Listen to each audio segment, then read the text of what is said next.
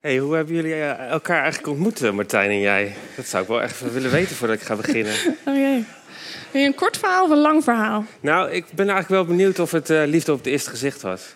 Ah, ehm, van mij uit niet, maar van hem uit wel. Ah, En het was op een festival. Ja. Sossenvijn Festival. Dus als je ooit als tiener nog een leuke... ja, ja, er is altijd iemand die initiatief moet nemen. Hè? Ja, ja, Ja. dat was dus hij. Ja, zeker. Ja.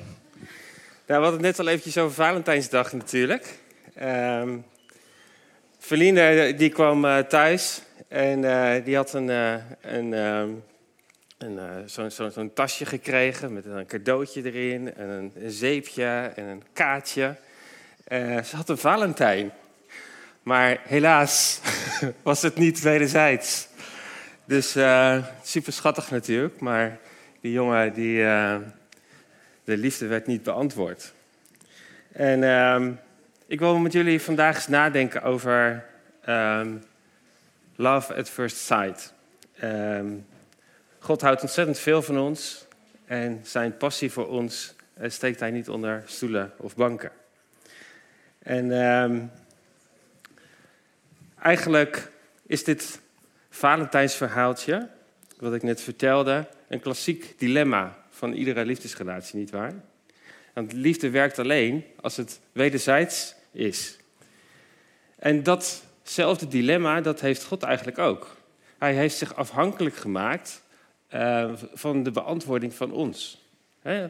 Hij eh, spreekt zijn liefde naar ons uit en de vraag is of wij die beantwoorden. En het was liefde op het eerste gezicht. Toen God de mens zag, het absolute masterpiece van uit zijn portfolio zou je kunnen zeggen. Zeer goed, perfect. Zo reflecteerde hij op zijn topcreatie. En net als de kunstwerken voor een kunstenaar zijn kindjes zijn, zo is hij met liefde betrokken bij alles en iedereen die voortgekomen is uit zijn hart. En dat kan hij onmogelijk loslaten omdat dat zo met hem verbonden is. Nou, we weten allemaal dat na de schepping er natuurlijk ontzettend veel is misgegaan toen de vijand van God de mens verleidde tot rebellie. En je zou kunnen zeggen dat dat de grootste kunstroof uit de geschiedenis is. En sindsdien is hij bezig om zijn verloren kunstwerken weer te verzamelen en de collectie compleet te maken en alles terug te kopen. Nou, een van de duurste kunstwerken die tot op de dag van vandaag nog steeds vermist zijn, is een schilderij van onze Hollandse meester Rembrandt. En ehm, dat schilderij dat is getiteld Christus in de storm op het meer van Galilea. Daar heb ik ook een, eh, een slide van die je achter me ziet. Nou, dit is een 400 jaar oud doek. Ehm, de geschatte waarde is ongeveer 300 miljoen euro. Dus ehm, dat is heel wat waard. En het is gestolen uit het eh, Isabella Stewart Gardner Museum in Boston. En het is dus nog steeds vermist. Maar wat is er nou opvallend aan het schilderij? Als je moet je goed kijken, er klopt iets niet. Is er iemand die dat opvalt? Vertel het eens. Sorry? Het verhaal. Ja. Ja, het verhaal, ja. En je ziet wel de, de boot in de storm. Ja, Ken je, je dat verhaal? Ja. Uit de kinderbijbel misschien? Ja, en, en weet je ook, kan je, kan je ook Jezus zien? Kan je die vinden in het plaatje? Mooi, hè? Maar zijn er misschien anderen die iets opvalt aan dit schilderij? Hoeveel discipelen tellen jullie? Iemand? Moet goed kijken, hè? Maar het zijn er dertien.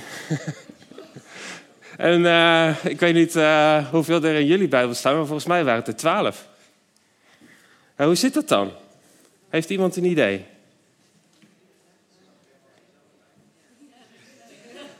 Sorry? Ja, dat klopt. Mag die even naar de volgende slide? Je ziet daar dat hele bange mannetje in het groene eh, gewaad. Eh kunsthistorici denken dat hij, eh, dat hij zichzelf zo ge- geportretteerd heeft als een zelfportret in dit schilderij. Maar wat betekent dat? Waarom heeft Rembrandt zichzelf in de boot geschilderd? Heeft iemand een idee?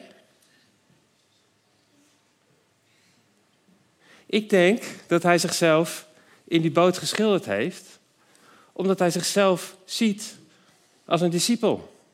Als iemand die Jezus volgt. Als iemand die in de boot hoort, die in de boot zit. En dat brengt ons heel toevallig bij ons overkoepelende thema, relatiegericht discipelschap. Rembrandt zag zichzelf als een discipel van Jezus. Iemand die in hetzelfde schuitje zat. En dat brengt me eigenlijk ook bij de vraag: waar zie jij jezelf? Zie jij jezelf als iemand die Jezus volgt?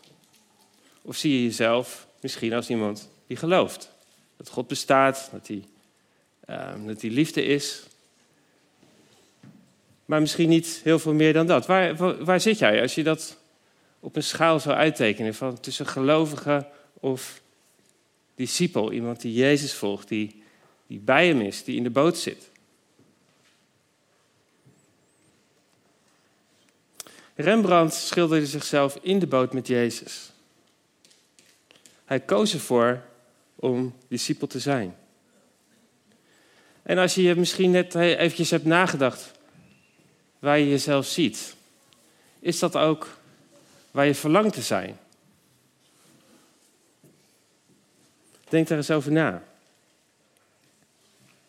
En het volgen van Jezus, dat is eigenlijk ook het stappen in een intieme liefdesrelatie. En het vraagt wederzijdse toewijding, anders werkt het niet. Je moet het echt willen, je moet er echt voor willen gaan. Nou, laten we nog heel eventjes kijken naar het plaatje van uh, de relaties van het ik, wat we eerder hebben gezien. Um, een relatie met God, we hebben een relatie met jezelf, met je eigen binnenwereld, met anderen en met de schepping en de wereld om ons heen. En vandaag staan we dus met name even stil bij de relatie van het ik met God. En de Bijbel schetst in verschillende metaforen um, hoe God die relatie tussen hem en de mens ziet. Een vader-kindrelatie, een uh, moeder-baby, moeder-kind, een man-vrouw. En uh, van zijn kant is dat een hechte, exclusieve liefdesrelatie.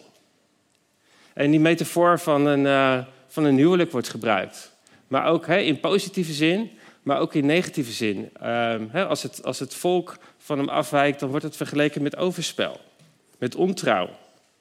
Het zijn hele, hele krachtige metaforen waar heel veel passie uitspreekt. En we vinden dat onder andere terug in Hosea.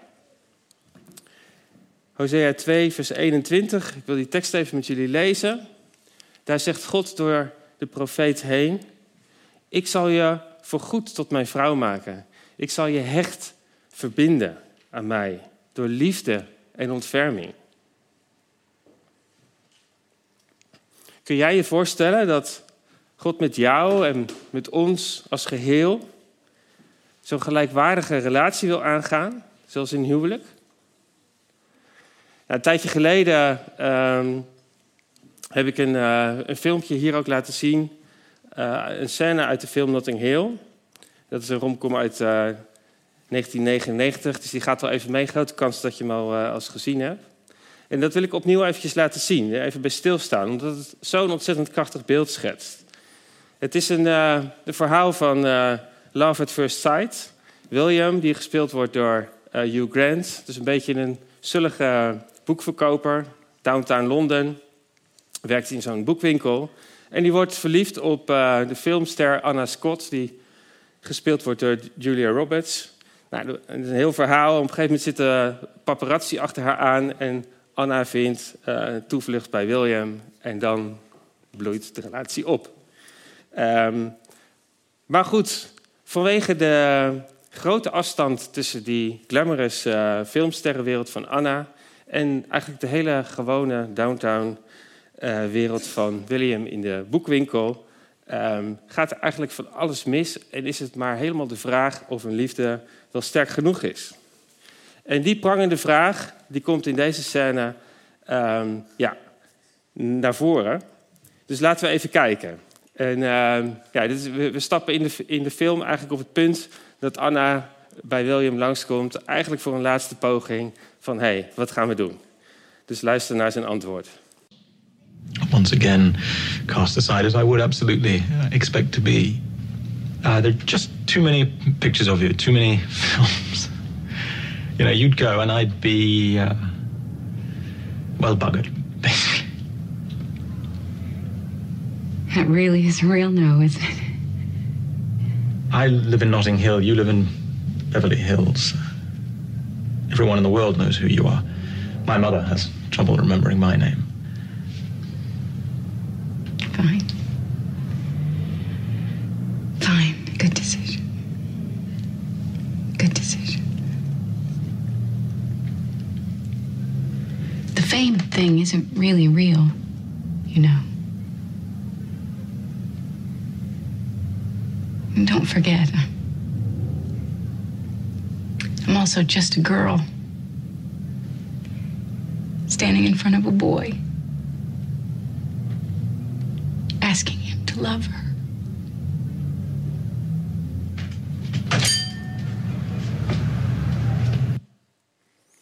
Nou, hoe het verder afloopt, dat zullen we nooit weten, tenzij je de film gezien hebt. maar ik wil even stilstaan bij die, die ene zin van, uh, van Anna. I'm also just a girl standing in front of a boy, asking him to love her. In het Nederlands, ik ben gewoon een meisje dat voor een jongen staat en hem vraagt om haar lief te hebben. En deze scène die laat iets heel moois en ontwapenends zien. als, als alle maskers, als alle glamour van Anna Sterrenstaat, als dat allemaal wegvalt, dan, dan staan er twee personen, twee mensen, gelijkwaardig tegenover elkaar. Maar William die bedankt. Hij is bang dat zijn uh, onervaren hart het allemaal niet trekt. Dat hij opnieuw gekwetst zal worden. En deze scène is eigenlijk een hele mooie metafoor van wat Paulus een groot mysterie noemt. De bijzondere liefdesrelatie tussen Christus en de kerk. Hey, Jezus, de bruidegom, die vanuit een andere werkelijkheid, een hemelse status, um, als een kwetsbare, afhankelijke baby naar deze wereld is gekomen. En ons zijn liefde heeft getoond. Hij is voor ons gestorven. Hij heeft ons vrijgemaakt van de macht van de dood en de zonde. En hem is nu gegeven alle macht in hemel en op aarde. Hij regeert vanuit de hemel en zit aan de rechterhand van God. En tegelijkertijd nodigt hij jou en mij uit op een hele nederige, kwetsbare, ontwapende en bijna gelijkwaardige manier om van Hem te houden. Een uitnodiging om Hem exclusief lief te hebben voor het leven. Dus tussen de regels door in al die metaforen lijkt de Bijbel ons duidelijk te willen maken. Dat Jezus zegt, ik ben ook gewoon een bruidegom die staat tegenover zijn bruid. En hij vraagt om haar hand in liefde. En als je dat beseft, dat Jezus in al zijn macht en majesteit zich zo klein en zo ontwapenend naar jou en naar mij opstelt, zich afhankelijk maakt van jou en mijn antwoord, dan raakt je dat. Wat is jouw antwoord op zijn uitgestoken hand? Heb je zijn hand al beetgepakt? Voor het eerst of opnieuw? Ben jij die innige liefdesverbinding met hem persoonlijk aangegaan? Of is er in jouw hart twijfel? Een twijfel die misschien wel uitmondt in het nee, net zoals William zei. Liefde brengt risico's met zich mee. De overwegingen van, van William die komen op nee uit, want hij probeert zijn onervaren hart te beschermen. Liefde is gevaarlijk. En wat, wat houdt jou tegen om radicaal te zijn in je liefde en je passie voor God? Voor Jezus.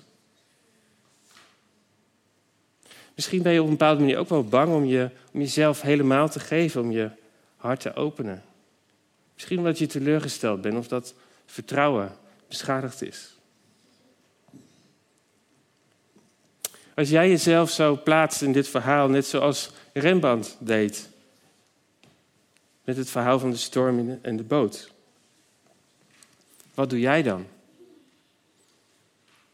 Kies je voor safe? Bescherm je je onervaren hart? Of ga je all in? Of twijfel je? Hoe antwoord jij dat aanbod van liefde uit de hemel? Wat verlang je? Wat kies je? Dat is echt belangrijk om daar een antwoord op te vinden. Steeds opnieuw.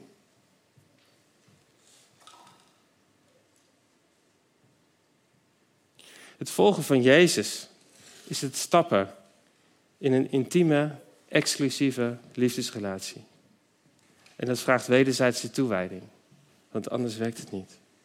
En Jezus is super serieus over die toewijding, die nodig is voor zo'n relatie. En we zien ook in de Bijbel dat hij eh, gemeentes daarop aanspreekt, dat hij ze feedback geeft. In het boek Openbaring kunnen we daar dingen over lezen dat Ehm, Johannes daar door de Heilige Geest dingen over ontvangt.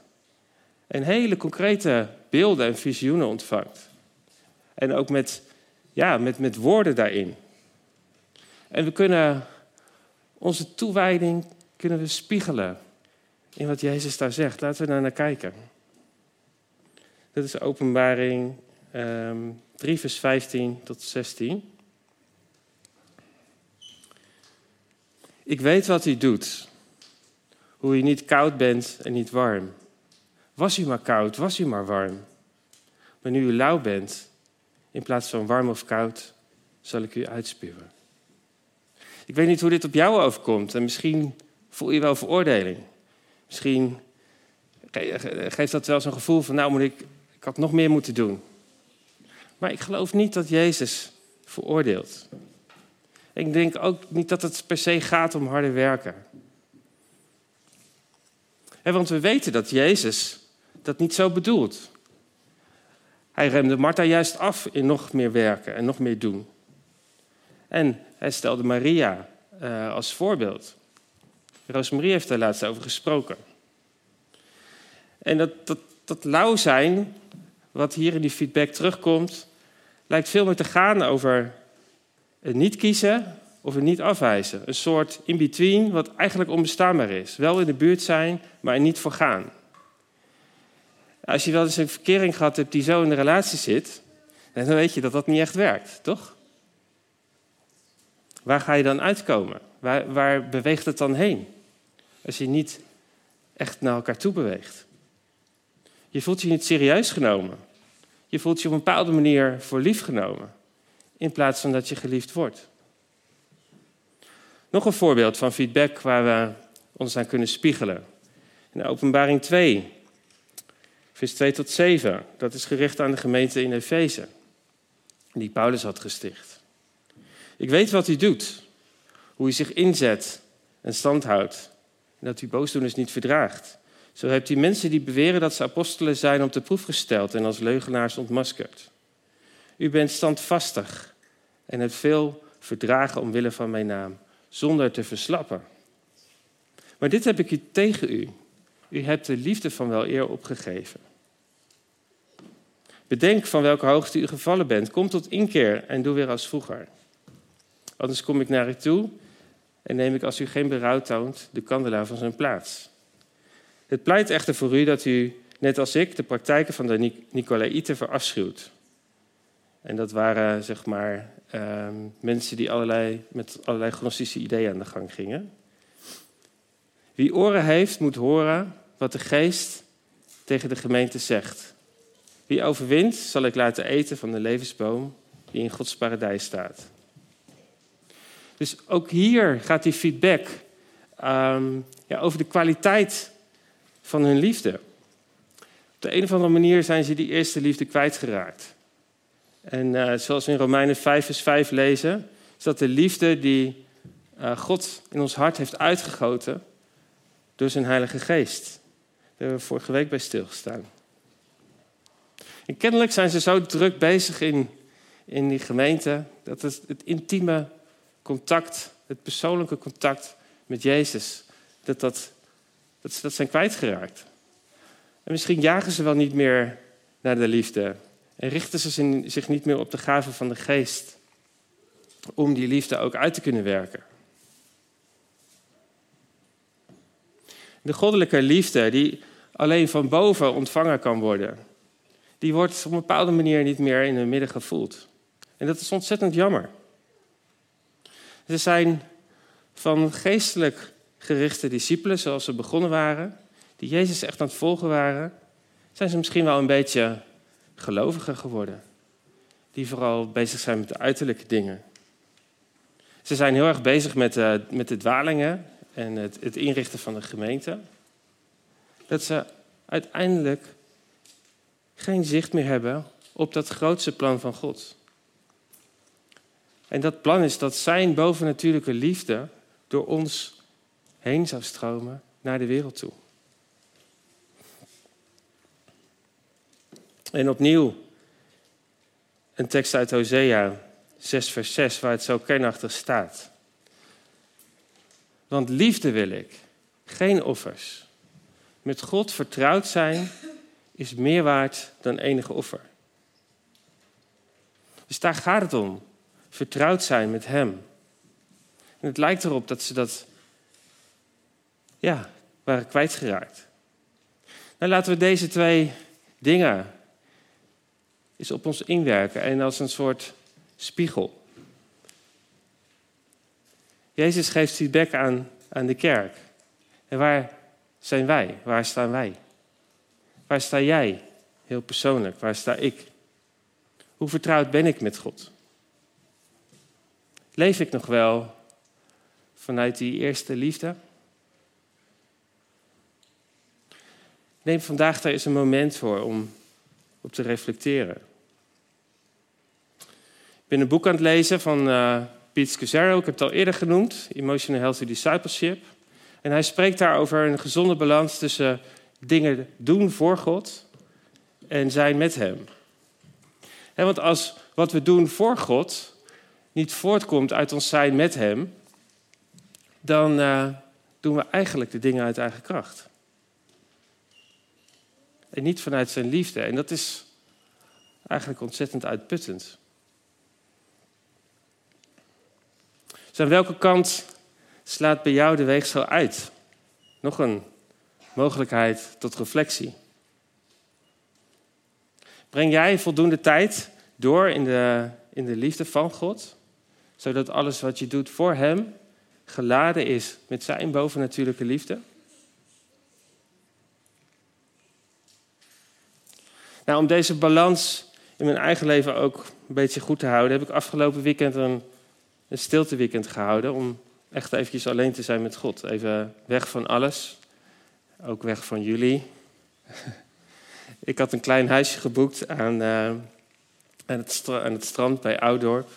En ik kan dan zo enorm genieten van de, de schoonheid in, die God in, in de natuur gelegd heeft. En als het goed is, zie je ook een foto, die heb ik daar gemaakt. En um, het is prachtig hoe, um, ja, hoe, de, hoe de kleuren van, van de zon en, het water en het water op het zand en de lucht, hoe dat zo vermengt. En uh, die zachte kleuren en die spiegelingen die in elkaar overlopen. En dat vind ik zo mooi aan zonsondergang, dat uh, zo vlak voordat er geen licht meer is, het licht zo ontzettend op zijn mooiste is. Nou, Zo'n stilteweekend, dat, uh, dat helpt mij om op een diepere manier met God vertrouwd te zijn. In onze tijd, in alle drukte, we leven zo makkelijk aan dingen voorbij. Maar hoe moet dat eigenlijk zijn voor God? En God zit echt met passie te wachten. Totdat jij je hart op Hem richt. Totdat jij je hart opent. Hoe moet het voor Hem zijn? Als wij ons hart niet echt met Hem delen? Als jij al jaren in zijn huis komt en toch een bepaalde afstand houdt? toch nog twijfelt. En die twijfel niet uit.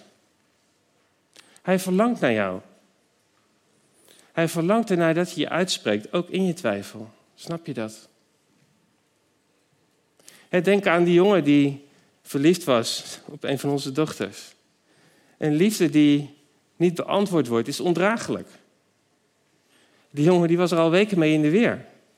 Als hij haar maar even kon zien, als hij maar even haar lach kon zien, dan was het weer goed. En zo wacht God vol passie op jou. Verlangend dat je thuis komt.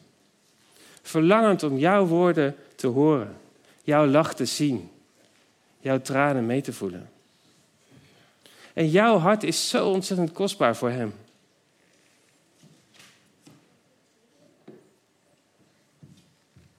S'avonds verlangt hij naar een moment dat je apart kan zetten voor Hem. Dat je even stil wordt, alles aan de kant zet. Maar goed, dan moet er eerst even Netflix gekeken worden, toch? Onze serie, even ontspannen. Nou, oké, na de serie dan. dan. Dan zal er wel tijd zijn samen. Maar ook na de serie is er geen tijd. Dan zijn we moe en dan gaan we naar bed. Weer een dag voorbij. En weet je, in Gods hart is geen veroordeling. Dat maakt liefde zo ingewikkeld. Als je van iemand houdt, dan denk je van, ja, natuurlijk, hij is ook moe en lange dag, drukke dag. Komt morgen wel. En morgen is er weer wat anders. Herken je dat? Er is iemand die jou heel gepassioneerd lief heeft. Toen hij jouw vormeloos begin zag in de baarmoeder van je moeder, was dat liefde op het eerste gezicht.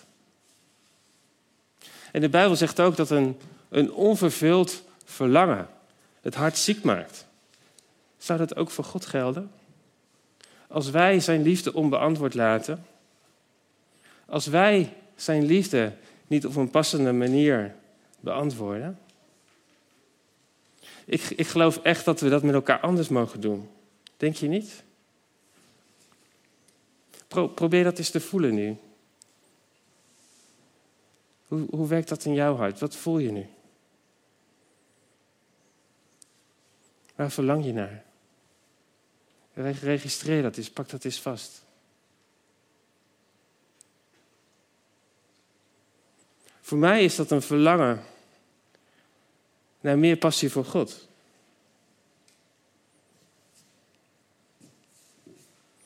Alleen, samen, door relaties heen in deze gemeente. En samen met andere vineyards in Navigators Lef zijn we een proces aangegaan om te ontdekken hoe dat anders eruit kan zien. En ik wil je daar een beetje een beeld van schetsen. In hoe onze passie voor God mag groeien. We verlangen ernaar om vol passie over Jezus te zijn. En daarom willen we graag bij Hem zijn. Want we hebben ontdekt dat dat meer waarde heeft dan al het andere in ons leven. En daarom zijn we bereid tijd apart te zetten, kostbare tijd met Hem door te brengen. En we leren om steeds meer te genieten van Zijn aanwezigheid en om echt met Hem in gesprek te zijn. Maar we leren ook om in, de, in de stilte te zijn. Om daar comfortabel te worden. De stilte van zijn nabijheid. Want dat is de plek waar liefde stroomt, angst verdwijnt en waar we gevoed en hersteld worden, recht vanuit zijn hart. En onze passie voor Jezus zal zichtbaar worden in onze levens. Doordat we radicale keuzes durven te maken. Die misschien niet per se comfortabel zijn, maar wel ons karakter vormen. En ons hart versterken. We leren steeds meer om zonder angst te leven, want we hebben zijn liefde ontvangen. We halen geen eigenwaarde meer uit wat we doen, of wat anderen van ons denken of wat ze over ons zeggen. En dat heeft impact op onze relaties. We zetten ons dan in met ogen van genade te kijken naar de wereld om ons heen, naar anderen, vergevingsgezind. En we hebben geleerd dat het niet alleen om onszelf gaat, maar ook over de belangen van anderen. We leren met vallen en opstaan ook respect te hebben voor de ander, gezonde grenzen te stellen en de ander te dienen uit liefde en de overvloed die God ons gegeven heeft. Ik weet niet of dit voor jou voelt als een vergezicht of misschien ben je daar al. En ligt het alleen aan mij? Het zou kunnen. Hoe het ook zij, God verlangt er echt naar om zijn woord en zijn hart met jou te delen.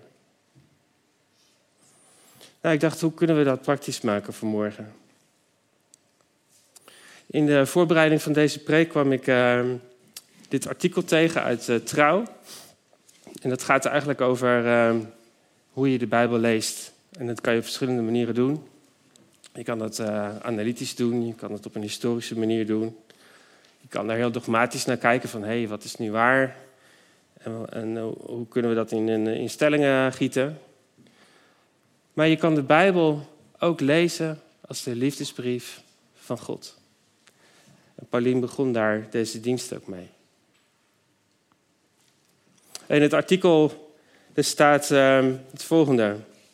Uitgangspunt van wat zij dan bevindelijke of mystieke benadering van het lezen van de Bijbel is de ontmoeting met de schrift als woord van de levende God. Analytische vragen worden terzijde gelegd.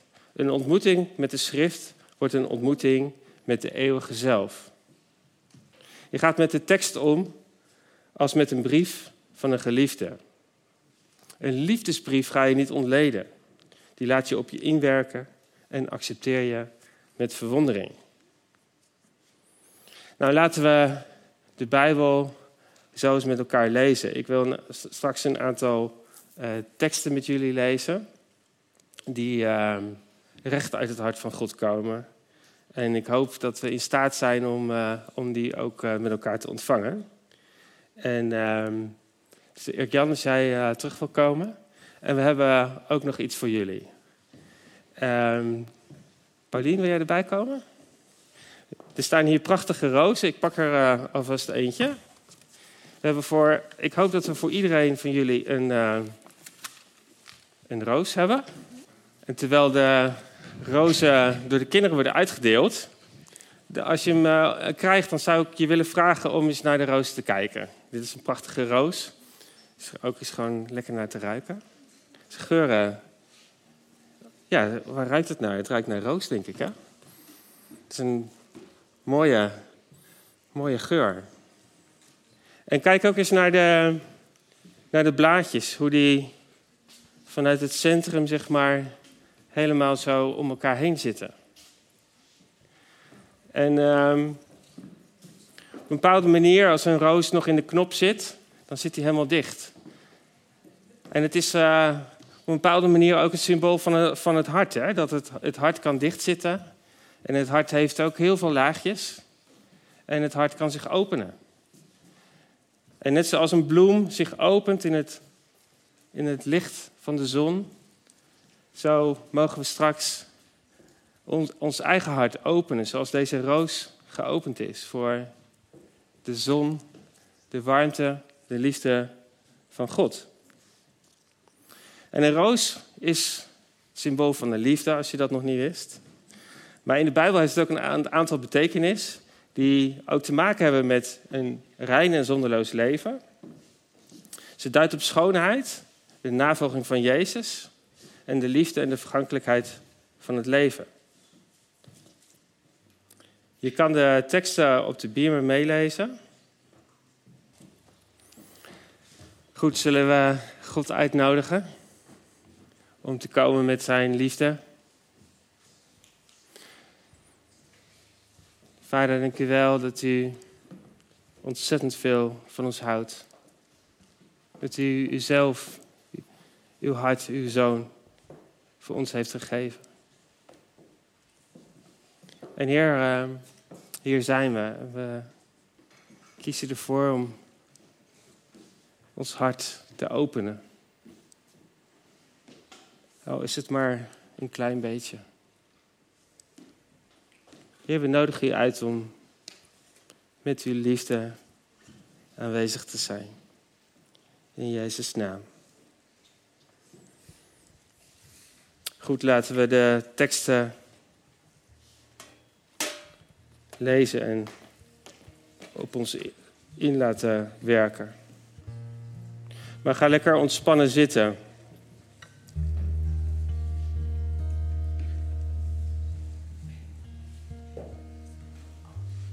En ontvang. Jezus is hier.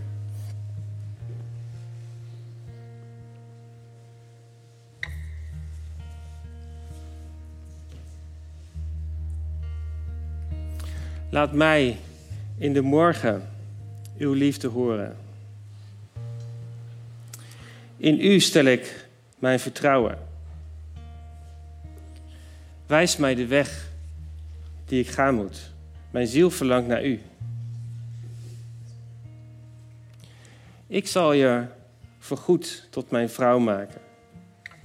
Ik zal je hecht aan mij verbinden door liefde en ontferming.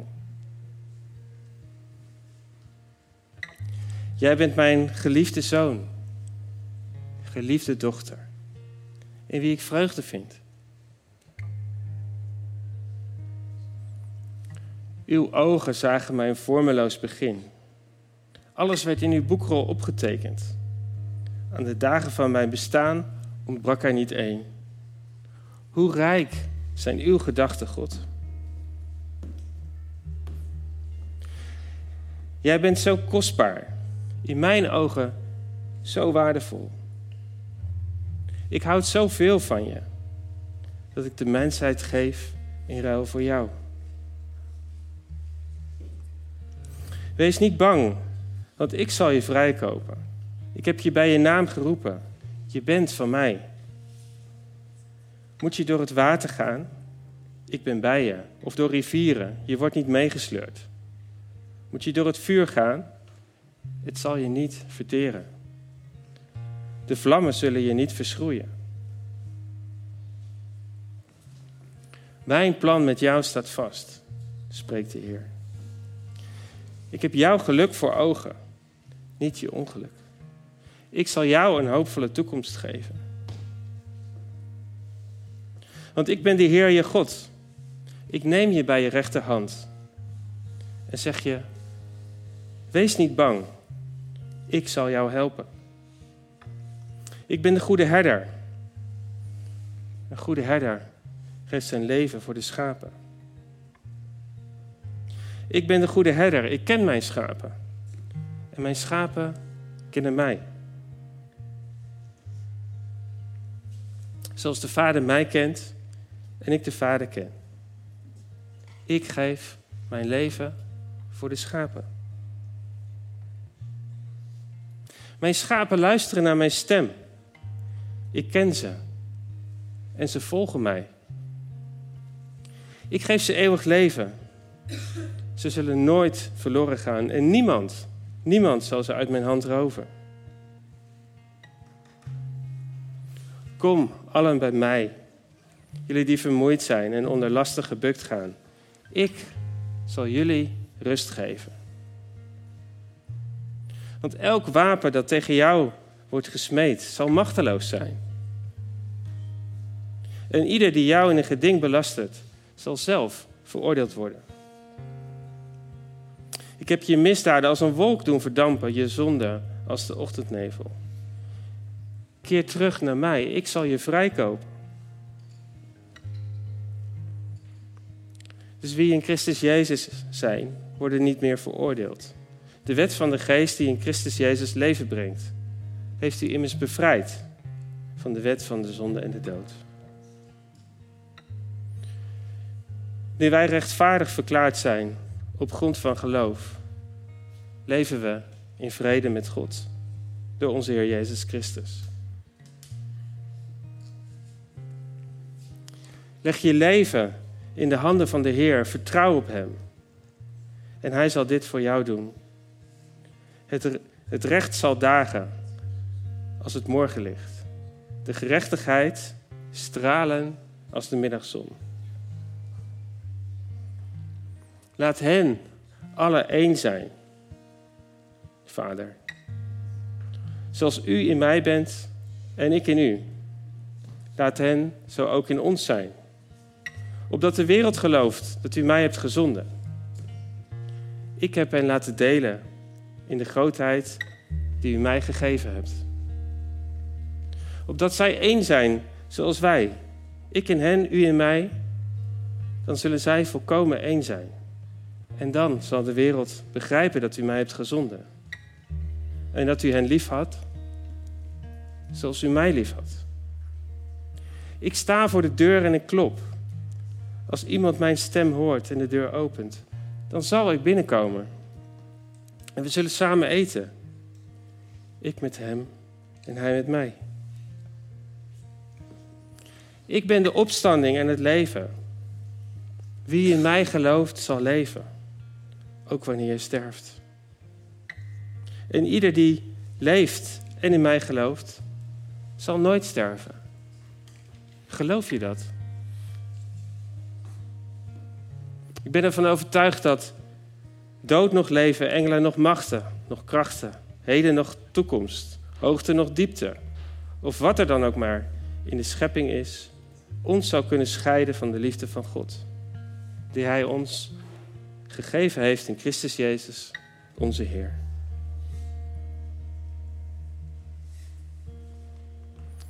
Jezus zei, zoals de Vader mij liefgehad heeft, heb ik ook u liefgehad. Blijf in mijn liefde. En ik laat jullie niet als wezen achter. Ik kom bij jullie terug.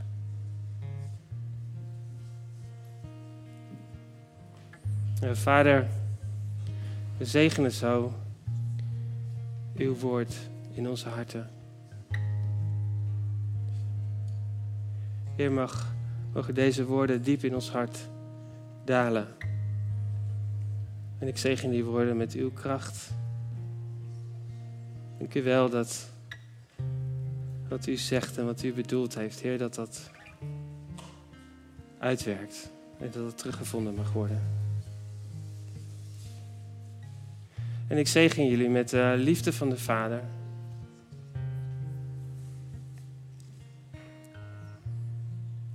Nu op dit moment mag je zijn liefde ontvangen. Ik zeg je om je hart te openen. Om zijn krachtige liefde te ontvangen.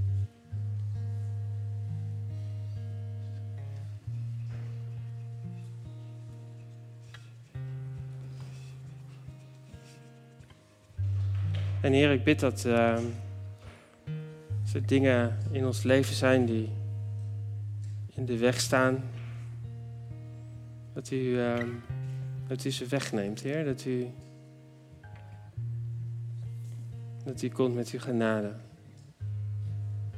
En Heer, dank u wel dat u ons op geen enkele manier veroordeelt, Heer. Dat u ons op geen enkele manier op schuld wil zetten.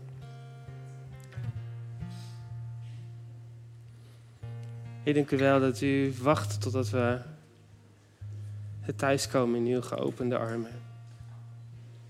Voor het eerst of opnieuw. De Heer heet je welkom in, in zijn troonzaal.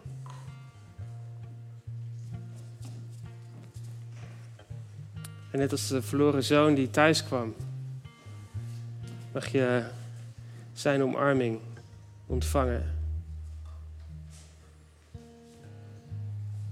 Hij wijst je niet af. Maar hij zegent je en omarmt je.